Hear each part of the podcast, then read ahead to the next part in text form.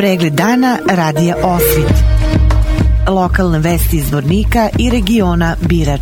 Pratite pregled dana za 5. septembar 2023. godine.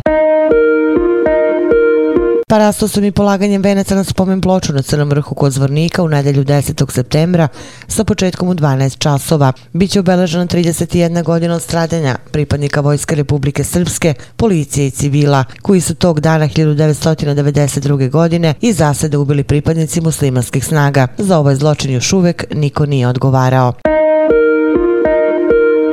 Federalni ministar raseljenih osoba i izbjeglica Neren Dizdar posjetio je kamenicu kod zvornika odmah narednog dana posle noći u kojoj je pretučen povratnik Senat Sejfić. Dizdar je ovom prilikom razgovarao sa povratnicima te iskazao podršku, naglasivši da su napadi na povratnike nedopustivi. Ministru Dizdaru prethodnog dana prilikom posete pridružili su se gradonačelnik zvornika Bojan Ivanović i kantonalni ministar Fadil Alić.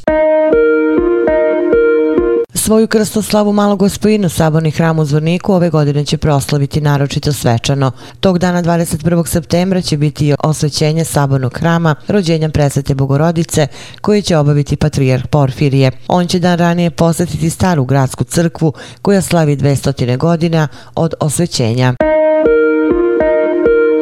Narodna biblioteka Zvornik podom 8. septembra Međunarodnog dana pismenosti organizuje zabavnu edukativnu društvenu igru Opismeni se čoveče. Učesnici igre će kroz rešavanje jezičkih nedoumica proveriti svoje znanje i naučiti nešto novo.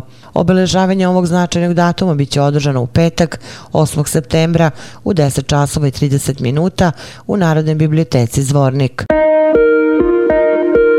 Na lokalnom putu u mesto Derventa opštine Milići juče oko 17 časova i 15 minuta dogodila se saobraćena nezgoda u kojoj jedno lice smrtno stradalo. U saobraćenoj nezgodi učestvovalo je jedno putničko motorno vozilo marke Škoda koje je upravljalo lice inicijala AM iz Milića koje je tom prilikom smrtno stradalo. Policijski službenici policijske stanice Milići su izvršili uviđaj saobraćene nezgode. Uviđaju prisustvo i dežurni tužilac okružnog javnog tužilaštva u istočnom Sarajevu, područna kancelarija Vlasenica, koji je naložio da se izvrši obdukcija tela, te da se nakon dokumentovanja saobraćene nezgode tužilaštvo dostavi izvešte o preduzetim merama i radnjama, navodi se u saopštenju policijske uprave Zvornik.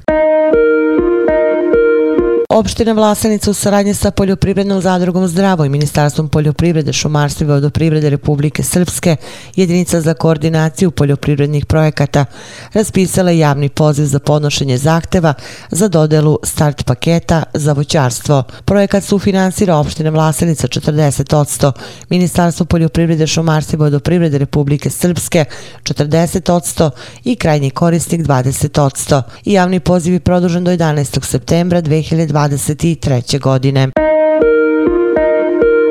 Vesti iz Loznice.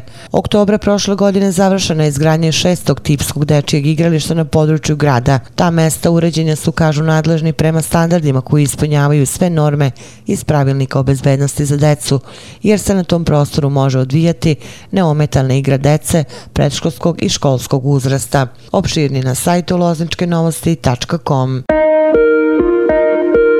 Pratili ste pregled dana za 5. septembar 2023. godine. Hvala na pažnji. Pregled dana radija Osvit. Lokalne vesti iz Vornika i regiona Birač.